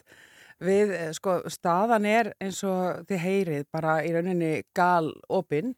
Við í viðreist hefðum viljað náttúrulega ná Pavel okkar inn. Okkur finnst mikilvægt að ha- hafa Pavel með okkur og hann er það náttúrulega sem varaborgarfulltrúi. Þannig að við eh, bóknuðum smá í viðreist en erum brött og höldum réttum strax við okkur og fórum að að hugsa um hvernig við gætum svona komið að lifi í framtíðinni. Mér finnst alltaf svolítið áhugavert þegar við erum að á þessum stað. Þetta er nú ekki fyrsta skipti sem við gerum þetta og það er alltaf rosalegu fókus á borgarstjórnarstólinn, borgar, hérna, borgarstjóra. Og mér finnst það alltaf svolítið áhugavert því að við gleymum því og það virðist veginn, virðist ekki komast í gegn að alveg sama hvernig þetta endar, þá endar þetta í minnstakosti þreymur flokkum upp í fjóra, fimm saman. Og þá er hver sem borgarstjórun er þá er sá hins sami eða svo hins sama ekki að fara að ráða öllu. Þetta er alltaf samvinna og það er það sem að þessi fjögur ár hafa kent okkur með þessu fjóra ólíka flokka sem eru búin að vera hérna núna í meirhluta að við náttúrulega bara unnum eftir ákveðinu málefnaskrá og ef það voru önnum mál þá þurfti að ræða þau e, bara grundíkt Mm. og það er engin einn í hvaða stól sem hann er sem tekur bara kepli og hleypur á stað og ákveður eitthvað fyrir hönd svona breiðs meirhluta. Þannig að, að, því að, að, því að við, við spýralustum alltaf einhvern veginn upp á þessum tímapunkti eftir kostningar að ræða hver verður borgarstjóri. En þetta snýst í alvörunum það hvernig meirhlutin verður samansettur og hver verða málefnin. Og það sanna kemur hérna inn á segir bara mjög skýrt sem er bara mjög áhugavert vil félagsíkju stjórn. Og, það, og þá það er í rauninni, sko ef að slíkur meirhluti væri að þá væri mitt bara svolítið skýrt að ná því inn að það væri þá félagsíkjustjórn og þú veist það sem ég er að, svolítið að reyna að segja er að við, við endum alltaf í einhverjum uh, svona leikritum en ekki, með, ekki í raunveruleikanum í því hvernig nákvæmlega við vinnum saman að málefnaskranum því það er hún sem að er bibljan þannig að, veist, þannig að ég taki nú bara þennan punkt svolítið sko. Ég er bara að taka undir þetta með lofu að þetta er það er engin einn að fara að ráða öllu sem einhver borgarstjóri svona þannig það, og það sem við vorum í fjóraflokka star- samstarfi sem var frekar vítt yfir litrófið þá öðna, skiptir máli að öðna, fyrsta lagi ná saman einhverjum eh, við hverja, hver, hvaða flokkar í rauninni sem að ná saman á endanum Mhm. að það verði bara svona frekar sterkur málefna grundvöllur sem verður unnið út frá og að hver sem að verður þá valinn til þess að vera borgarstjóri eða svona fara fyrir því samstarfi sé með góða hæfileika í því að miðla málum og hlusta ólík sjónamið og öðna, rauninni vera ekki of yfirgangsamur við samstarfsflokkar sína. Ég gef nú bara degi það að hann stóð sér mjög vel í því á síðasta kjörtíðanbili en þú veist, hann er, er örglega fleiri sem að geta gert það, það er bara spurning þú veist, hvernig, hvernig þetta útverist Já, einmitt. Þá ætti talsra aðtegli þegar Líf Magnauðdóttir tilkynir að hún ætli ekki að taka þátt í þessum meira hluta viðræðum með sinn. Eh, hún ætla bara ein, eh, eini fulltrói vafki í borgarstjórn. Eh, Þórtið, sko, þú fórst ekki ná sömum braut, eh, finnst þér þrjá fyrir að vera bara með einn borgarfulltróa viðrýstnega erindi í meira hluta? Já, já, mér finnst þetta nú alveg fáránlegt að setja það upp þannig að, að við sem erum með eitt fulltrúa, hvort sem það er núna eða áður, ég menn átti þá sanna ekkit erindi á síðasta kjörtímbili. Mér finnst þetta alveg fáránlegt að fólk hugsi svona, eða Kolbrún Baldursdóttir sem búin að vinna öttulega fyrir flokk fólksins eða vitís, ég menn þetta var alltaf einsmanns flokkar og, og gerðu mikið gagn og hefðu áhrif og voru partur af umræðinu, það má ekki gleyma því að hérna, sko, ég nú ætlum ég bara að fá að tala um sönnu að því hún er hérna og, hérna, og, og, sigraði, þannig að mér langar að rósa líka að Sanna til dæmis tók þátt í, í heilmikilli vinnu ef ég mann rétt maður mögulega var Alessandra með í því um sárafátækt. Hérna, ef að, ef að Sanna hefði ekki verið einn að, þá hefði hún náttúrulega ekki tekið þátt í því skilji, ef hún hefði bara ekki verið inni Þannig að auðvitað eru flokkar sem eru einir, uh, fullgildir, limir, meðlimir borgarstjórnar. En auðvitað er erfiðar að vera fáliðaður, fáliðaður það er sko staðreind en við vorum náttúrulega bara með tvo, við vorum ekki starra en það að verið og ekki heldur píratar. Þannig að við unnum öll bara saman, stundum ekki en, en oft saman sko. Já, já, en hvernig blasir þá þessi ákvörðun eh, líf við þér? Þessi þetta mm, óæskilegt? Já, ég ætla nú ekki að hafa neina sérstakar skoðan á því hvernig vinstri grænir hugsa, kom mér smá á óvart uh, svona í upphafi, ég náttúrulega heyrði hvað Katrín sagði þegar hún myndist á þetta og svo tekur líf þessa ákverðun með sínu fólki. Uh, hérna ég þekk ekki sko innri innra starf vinstri græna ég, ég get allan að sagt að þetta kvarlaði ekki að okkur sko. Nei. alls ekki en, en hérna en En svona er þetta stundum, ég menna flokkar taka bara ákvörðum, þetta er statement eða ég má segja sem svo í, á rástu eða hvað kann maður segja statement? Yfirlýsing En uh, ef við tölum að þessum sólsérstuna aftur þá, þá til og með að skrifa hérna uh, Gunnar Smári Greiningjær þar sem hann talar um uh, svona að það var hægt að mynda einhvers konar erlista í borginni. Þóra Kristín Áskistóttir skrifa fæslega sem hún eiginlega tala um það að það væri gott að fá því sem borgarstjóra sanna þú ert að ræða við fulltrúa annara átvita hvaða málefni eru það sem ég, þú ætlar ekki að gefa afslátt á? Það er húsnæðisuppbygging.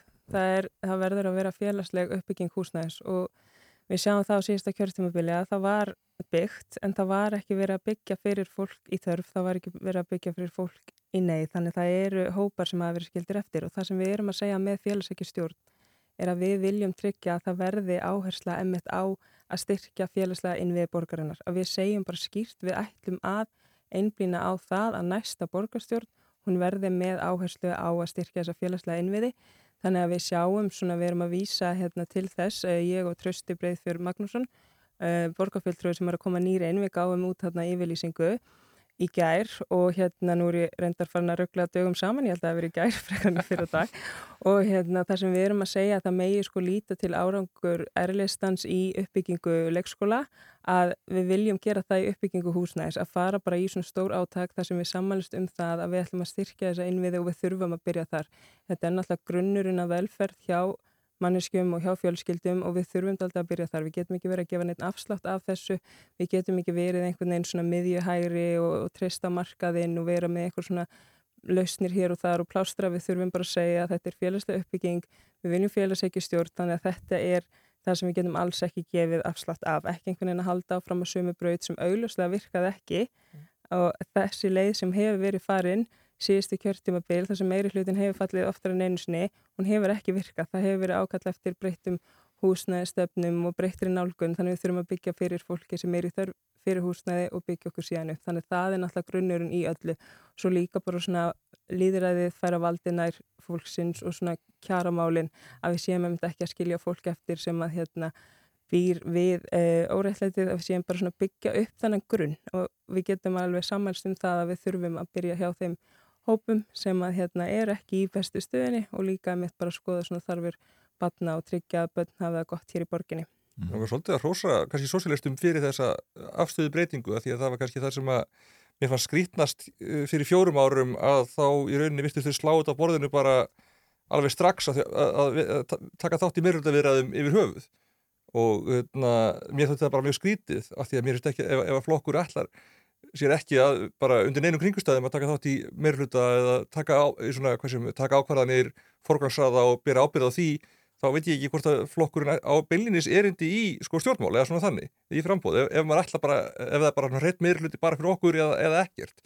Þannig ég er unni bara að hrósa þessari hérna, afstöðubreitingu og hérna, held að eins og ég segi, hérna, það sé til marksum að það sé hérna, hvað sem er, meir, meiri hvað sem er, viljið til þess að kannski málamila og kannski utna, hafa áhrif. Ég sé ekki hvernig við hefum átt að fyrir fjórum árum fara í samstarf með einhverjum flokki sem að kenni sig við hægri sem er enda á að tala um enga uh, rekstur og útvistun þannig að við erum skýraði sem félagstegum áherslum. Við vorum skýraði þá og við erum skýraði núna. Já, það, þú ert að vísi við rest hana. Já. Já það er ég. Já, Gætið þú ekki unni með sólsestum?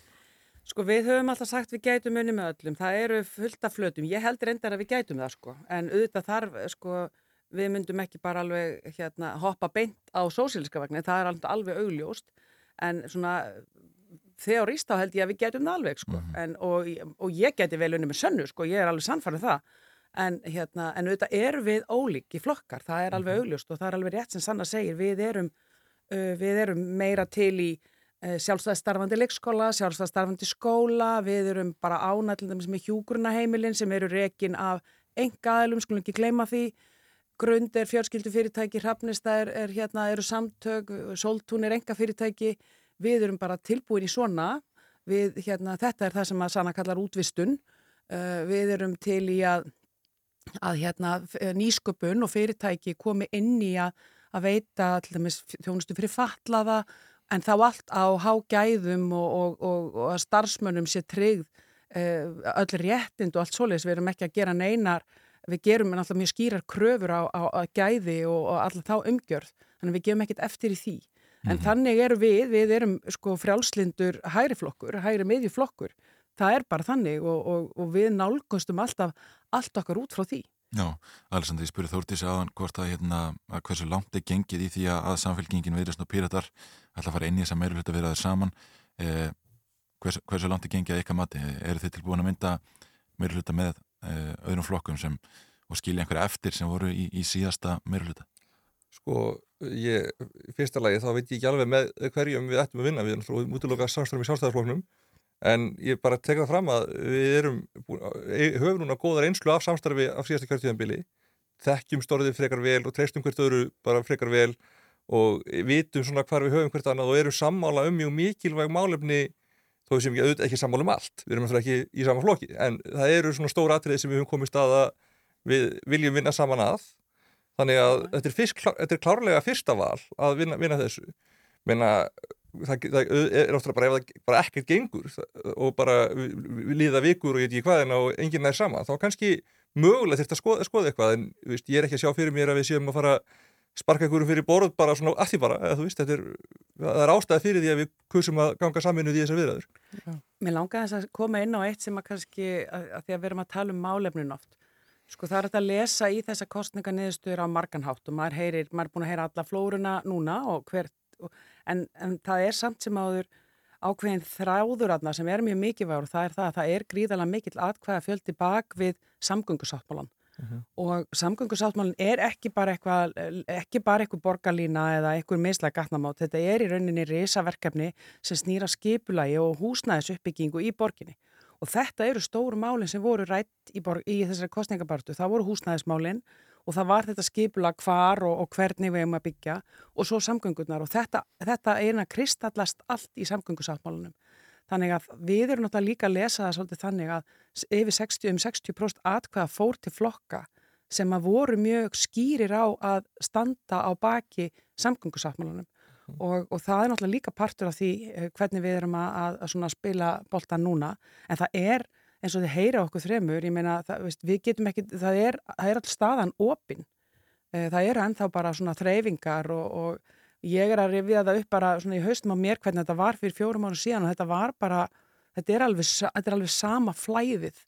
Sunnudagur allir að tala við baklandið, mánudagur allir byrja að tala saman þreyðjudagur allir að melda einhvern veginn og halda áfram að tala saman og við erum þarna ennþá sko og komið mm. miðugudagur ég, ég er með sönnu sko maður alveg byrju hvað dagur Ég vildi aðeins nefna hérna með útvistin það dregin upp eitthvað svona jákað myndaði en ég vildi líka nefna í því samingi að náttúrulega Reykjavíkuborg er aðeins beðarsamlega þar sem að það hefur verið, útvistun þannig að fólk sem er ekki að starfa beint fyrir stræt og bjassa er af lakar í grunn kjörum þannig að þegar við erum að tala gegn útvistun þá er vel ekki að höfa áherslu á til dæmis þennan þátt. Já, einmitt, við erum að tala inn um samgöngu sáttmála og tölvöld náttúrulega rætt, rætt um mm -hmm. borgarlínu hér í aðrænda kostninga sko sósélstaflokkurinn var, vildi sko ebla stræt og samgöngur einhvern veginn strax og, og forgámsaði kannski fjármagni á annan hátin að setja það í borgarlínu. Hvernig farið með það inn í þessar meira hlutaverðar, viljið slá það út af borðinu? Borgarlínuna? Mér finnst mikilvægt að við byrjum að því að leysa vandan sem að borgarbúar eru að upplefa núna. Það sé verkefni okkar að hlusta, herðu, hvað er það sem að fólk vil núna? Við erum aðna með einhverja lausni sem eru kynntar að eiga að taka til starfa eftir einhver ár, en við þurfum að hugsa hvað ætlum við að gera núna til að mæta þurfum borgarbúa. Það er stræt og samgöngur, það er að vinda ofan að þessari hérna, skerðingu sem hefur átt sér stað, það er að vinda ofan að þessari gjaldtöku sem hefur hækkað, þannig að það er vandamáli sem við þurfum að leysa núna. Mm -hmm. Við fyrir bara östuði við að hvað tekur við núna e, næstu dag á í dag, hvaða fundir eru skipulæðir? Þetta er svo skemmtilegt, þetta bókald. Ég hef að spurning hvort við verðum bara svona gegnsæja, Alexandra. Ég er mjög myndu standa gegnsæ. fyrir svona opnu bókaldi hver er búin að heita hvern. Já, einmitt. Að ég fjölmjölar eru miklu rórri. Já. En það er bara áframhaldandi treyfingar. Já. og Já, það er mjög erfitt einhvern veginn að slá, að slá eitthvað fast niður sko. Ég held að við séum bara ennþá að tala hvert við annað og öðna, fólk er svona bara, já, þreifa að sjá hver, hverjir eru til í samtala og hverjir ekki og öðna, svo von, vonum við að á einhverjum næstu daga þá fari svona línur aðeins að skýrast og fólk getur farið í meiri viðræður en ég bara, akkur, á þessum tímapunkti það er bara mjög erfitt að, erfitt að segja eitthvað sérstaklega fast til um það. Og það er borgarstundafundur og borgaráði næstu viku. Það er fjör sko. Það verður, það verður borgarstjórnafundur eftir viku, tæpa, það sem að fráfarandi borgarstjórn heldur sinn síðasta fund og það verður örgulega hinn skemmtilegasti fundur. Já, einmitt. Sanna, hvað tekum við hjá þér í dag? Ég er að fara að fund klukka nýju, þannig að hérna, við erum náttúrulega ennþá í vinninni. Já, já. Það gleymir svolítið að við erum bara mætum bara skrifstofuna. Nákvæmlega. Já, já, takk fyrir þetta Þúrtís Lóa, Sanna Vandalina og um, Alessandra Brím. Eh, takk fyrir að ræða okkur hér í morgun útarpunum meirhulda viðræður. Við erum eftir, eflaust eftir að heyra oftar í ykkur núna næstu daga. Jú, jú. Takk fyrir að bjóða okkur. Takk, fyrir að koma. Og hér framöndan ímislegt fleira, við ætlum að hitta fyrir korfbóltaleikin í kvöld og við ætlum líka að fræðast um breytingaskeiðið.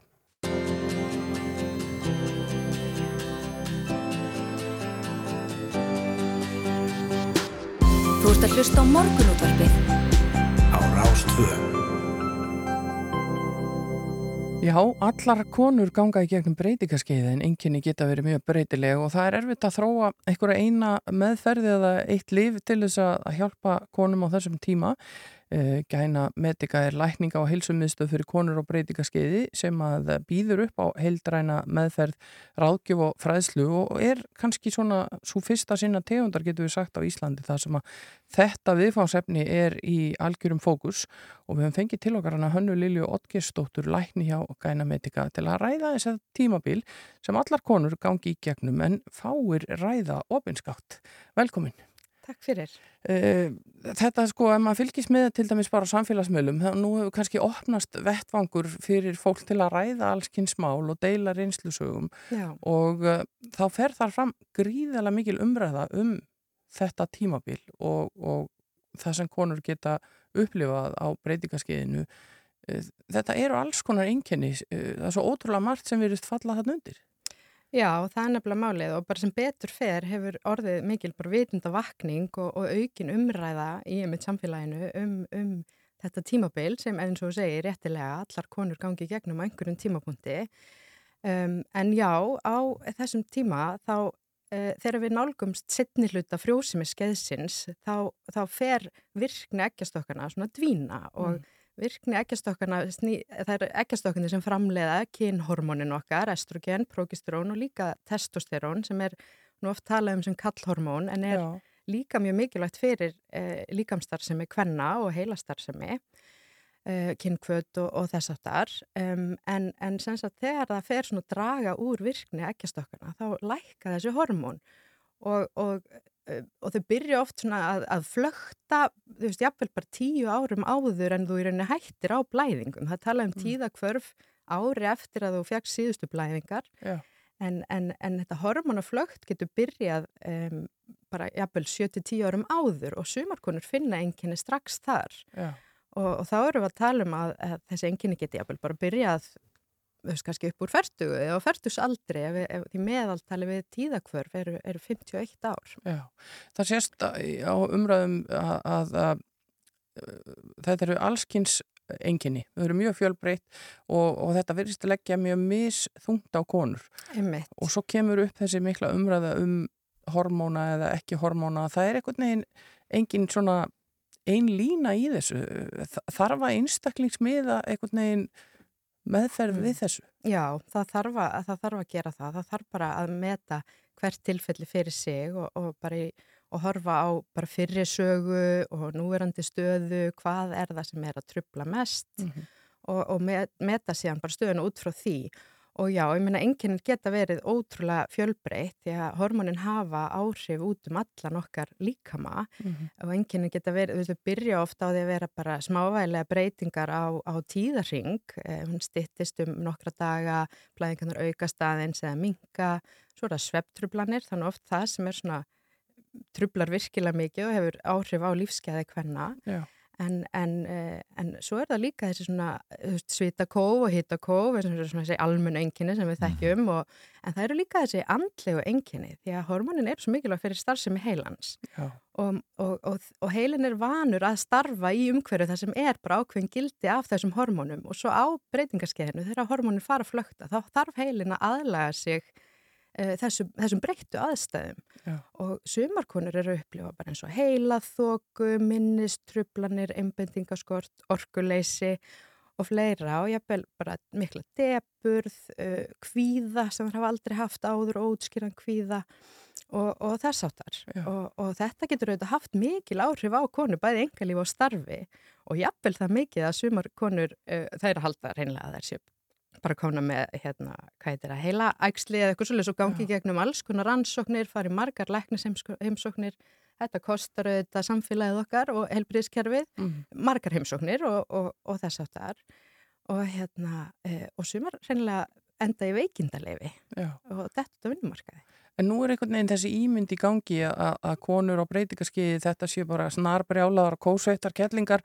Eh, Ég meina þarf að vera eitthvað vitundavakning í samfélaginu eh, til þess að bara fræða fólk um þetta tímabili í lífi hvenna og, og hvaða áhrif það getur haft. Ekki spurning og ég fagna þessari umræðu, ég fagna því að það er aukin umræða í samfélaginu og, og við þurfum bara að auka það enn frekar og við þurfum jafnvel að bara að e, hvetja e, hérna, atvinnureikendur e, til þess að kynna sér þetta mál því, því að konur á 40 og 50 aldri eru þetta stór parstur af, af e, starfandi fólki Mm. og, hérna, og við megum ekkert við því að vera að missa þær út af vinnumarkaði en það eru tölur erlendisfrá sem benda til að kannski 10-12% hverna á 50 aldri séu að detta út af vinnumarkaði út af enginu breytingarskeiðs Já, já. Þú talar um að það séu svo fjölbreytt enginni þarna. Eh, hefur verið mikið um það að við séum að, að, að þá misgreina einhverju sjúkdóma að, að, að, að mislesa enginn veginn. Um, ég, ég held það og ég vil meina það að, og þetta eru þetta líka svona svolítið almenn enginni, þú veist, vöðva og liðverkir, e, þessar söptrublanir og þú veist, það er svo margt sem getur gefið þessi enginni líka. Um, þannig að þá erum við fljótar að fara í að reyna að finna einhverjar aðrar orsakir fyrir því. Um, en ef að kona mellir 40 og 50 kemur uh, til heilbreyðsstarfsmanns með einhver ný enginni sem hefur ekki verið áður þá ætti maður allavega að hafa bak við eirað, Já. eru gæti þetta verið eitthvað tengt breytingarskeiðinu og kannski spurja út í tíðarhingin, ertu ennþá blæðingum, hefur, hafa orðið einhverja breytingar Já. þannig að maður taki það með inn í uh, hérna, inn í greiningaferlið og, og ha, hafi það með, það far Já. ekki beint að hugsa hér eru bara með heila eksli, það Já, er kannski já. ekki Já, eða gíkt eða, eða, eitthvað. já, eða gíkt eða eitthvað þannig sko. En, en síðan er það uh, meðferðin og það er þessi umræðum hormónana og, og, og það er eitthvað svona, það verður stöður ákveðin ótti eh, hjá mörgum við að nota hormóna og meðan aðri segja, nei þetta bara, ég fekk lífið tilbaka þegar ég fór að hormóna. Uh, hver er svona línan í þessu? Er ástæði til að óttast það að nota hormóna við þessum enginum? Sko síðustu 20 árin hefur verið neikvað umræða um, um hormonanótkun og það er í kjölfar stóra rannsóknar sem var gerð hérna fyrir 20 árum. Um, en, en það er, eh, og það hrætti bæði konur og líka lækna til að skrifa það út og konur til að nota það því að það voru settar fram niðurstöður sem bendur til þess að, að, að það væri aukintíðni á brjóstakrafmeinu og jafnvel aukintíðni á hjart- og æðasjúkdómum en, en þetta voru ekki hérna, tölfræðilega eh, sko, um, svona gildar eh, niðurstöður. Þannig að þetta var í rauninni ekki réttar niðurstöður og nú er búið að endurvinna þessar og skoða þennan hóp og í framhaldin og nú þú veist, 20 ára eftirfylgni af þessari rannsókn og það bara sýnir sig að, að lang, fyrir lang flestar konur er hormónu uppbúta meðferð örug og, og getur jafnvel haft jákvæð áhrif upp á framtíðar heilsu sem yngar líkur á beinþynningu og, og þess að það. Já, hvað geta konur verið lengi að eiga í þessu?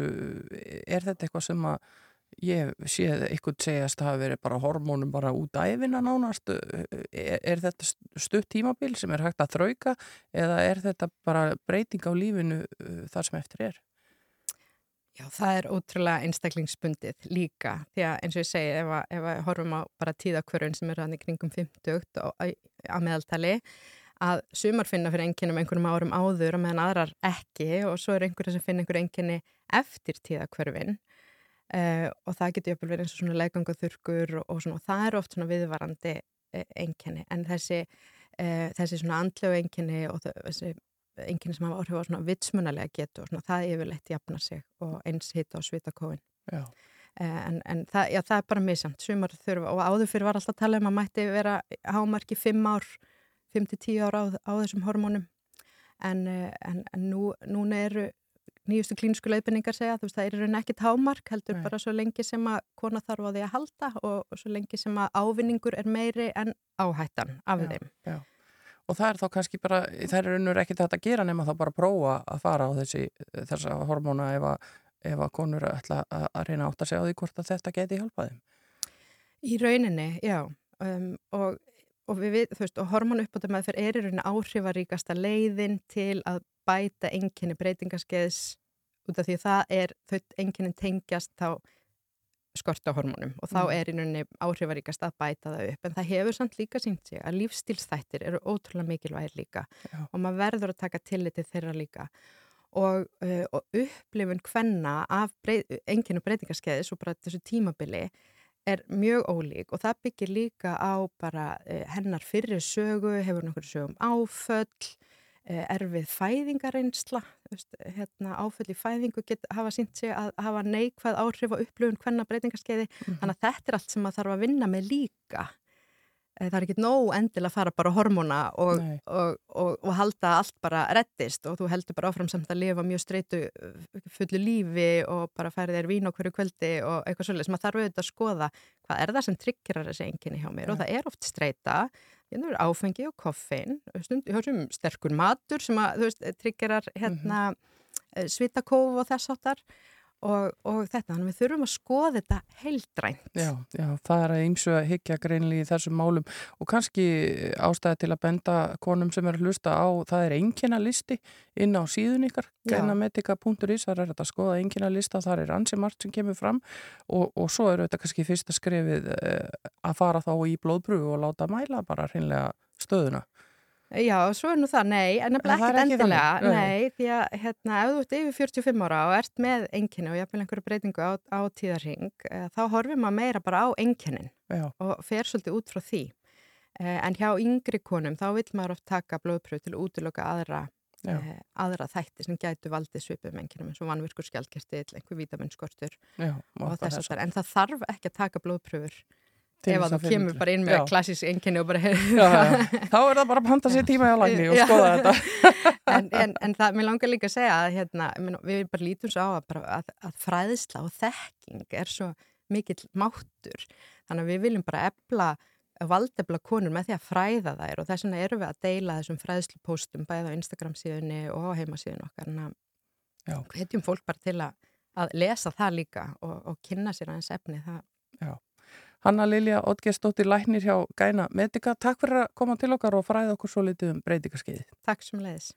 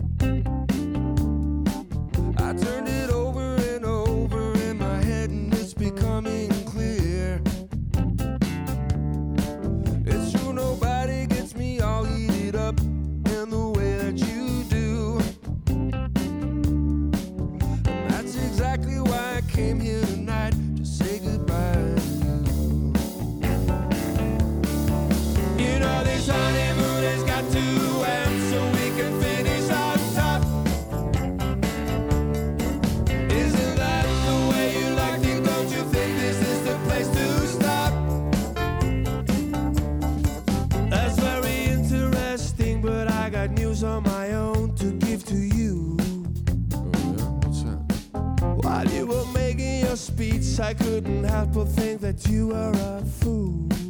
That's a little harsh, don't you think? Just in case you didn't notice, this thing ended way before it began. We had a little bit of fun, but you were never gonna be my man. Oh, I was not serious. Yeah. You know this honeymoon,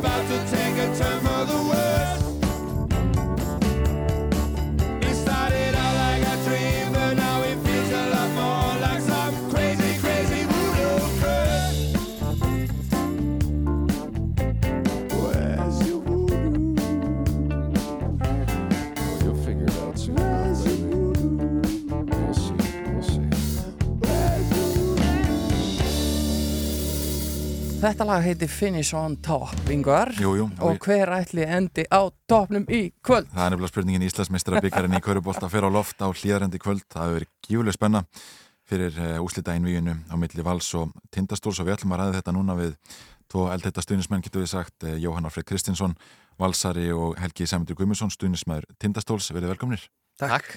Takk. Ég vil bara byrja á því að spyrja ykkur hvernig líður ykkur í dag? Maður er svona reyktur og var alveg löngu ströng úslega kemni sko.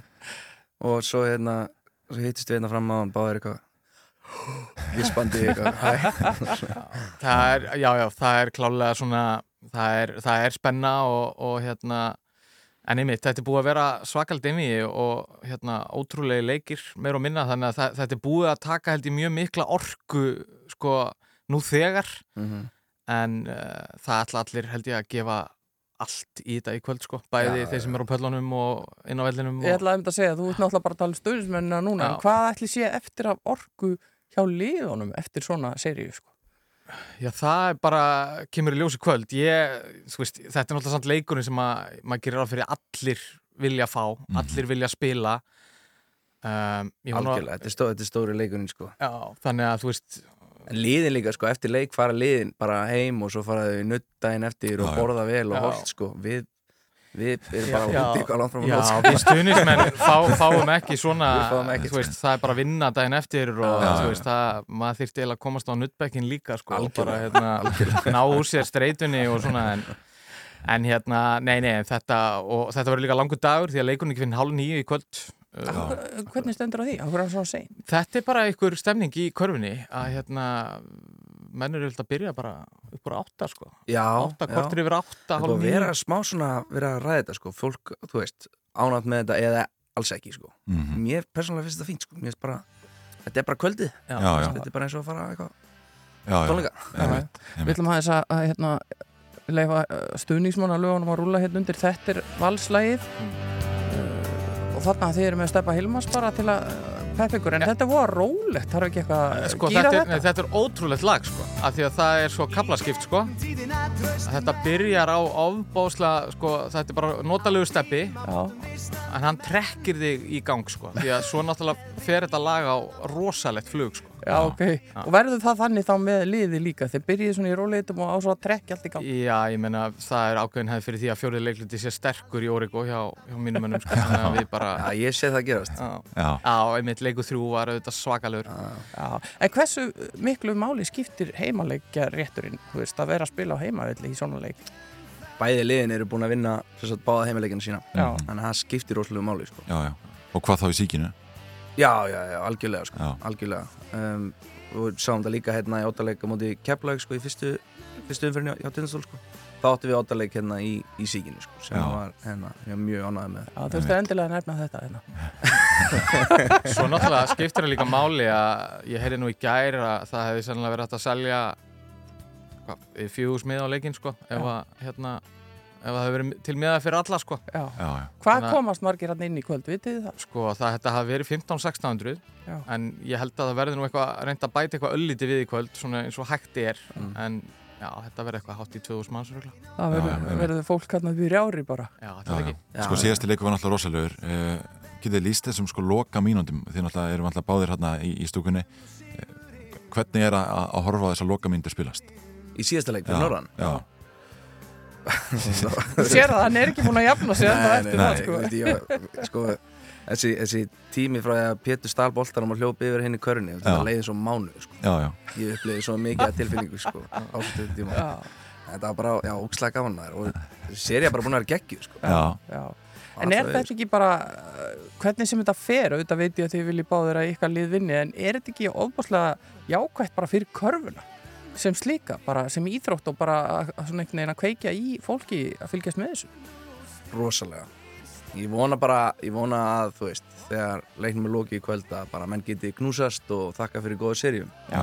og, og fagnað köruboltarum því að, þú veist Algjörlega og svo er þetta bara forréttindi sko að því að åtta leikur í úrslitum í annarkvort sko handbólta eða körbólta þetta er ekkert algengt og, og það er heldur ekkert algengt að liði þitt spili þannig leik. Nei. Þú veist, þetta er svolítið bara eins og sólmyrkvi sko. Þetta gerist bara á eitthvað x mörgum árum sko. Þannig að það þurfa bara allir að njóta þess held ég í kvöld sko. Já. algjörlega Hérna er ég búin að henda tindastólslægin í gang, þú tengist þessu nú og Helgi Sæmundur, sko, þetta er allt öðruvísi, þarna er bara uh, skaffiska stemmingin alveg í botni og, og, Já. og þetta er nýrra, það er aðeins svona nýri blær á þessu. Já, við hérna ég, er bara mjög ánægð með hvernig þetta kom út sko. ég, ég er búin að ætla Já. að gera stuðnismannlag í, í rosalega mörg ár og hérna svo var rann það upp fyrir mér þegar við vorum á móti Keflavík að ef ég gera ekki núna þá mun ég aldrei gera það sko. Já. það var bara tíminn og ég er mjög fein að við duttum ekki út í móti Keflavík sko. hérna, Náður þessu. já, já, Já, já. En fólk er að tala um það að þetta sé bara eitt svona besta stuðnismannalag sem til er á Íslandi Já, þetta er, ég er meira þess að valsarar hafa alveg tekið undir að þetta, þetta, er, þetta er mjög stert lag sko. Já, þetta er gýrandi Já, þetta er gírandi. ekki að heyra Svona heyra nokkra, nokkra tóna. Að vakna hverju morgni og þú setur þig í gýrin Bara á danum gassið eða bara á danum síkið Skagafjörður stendur alltaf sína vakt með bríði Má ég heyra, þetta er fyrir tindastól Má ég heyra, þetta er fyrir tindastól Þetta er nú alveg ekta svona lag einmitt til þess að láta sko fólk syngja með. Þú veist hérna, má ég heyra og allir Já, með, þú veist, já, já, já, já, þetta er já. stemmari. En sko ég verði að nefna, mér finnst náttúrulega mikil fagmennska í þessu að þessi bara droppa bara núna á dögunum, ekki? Að, þú veist, það Jú, er, já. jú, jú.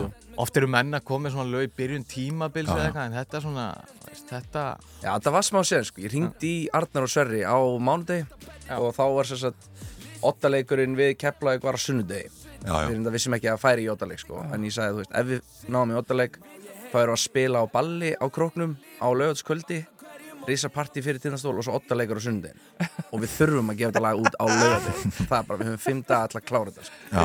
Og, og þeir voru bara klárið sko. þetta var bara, þetta tók sko.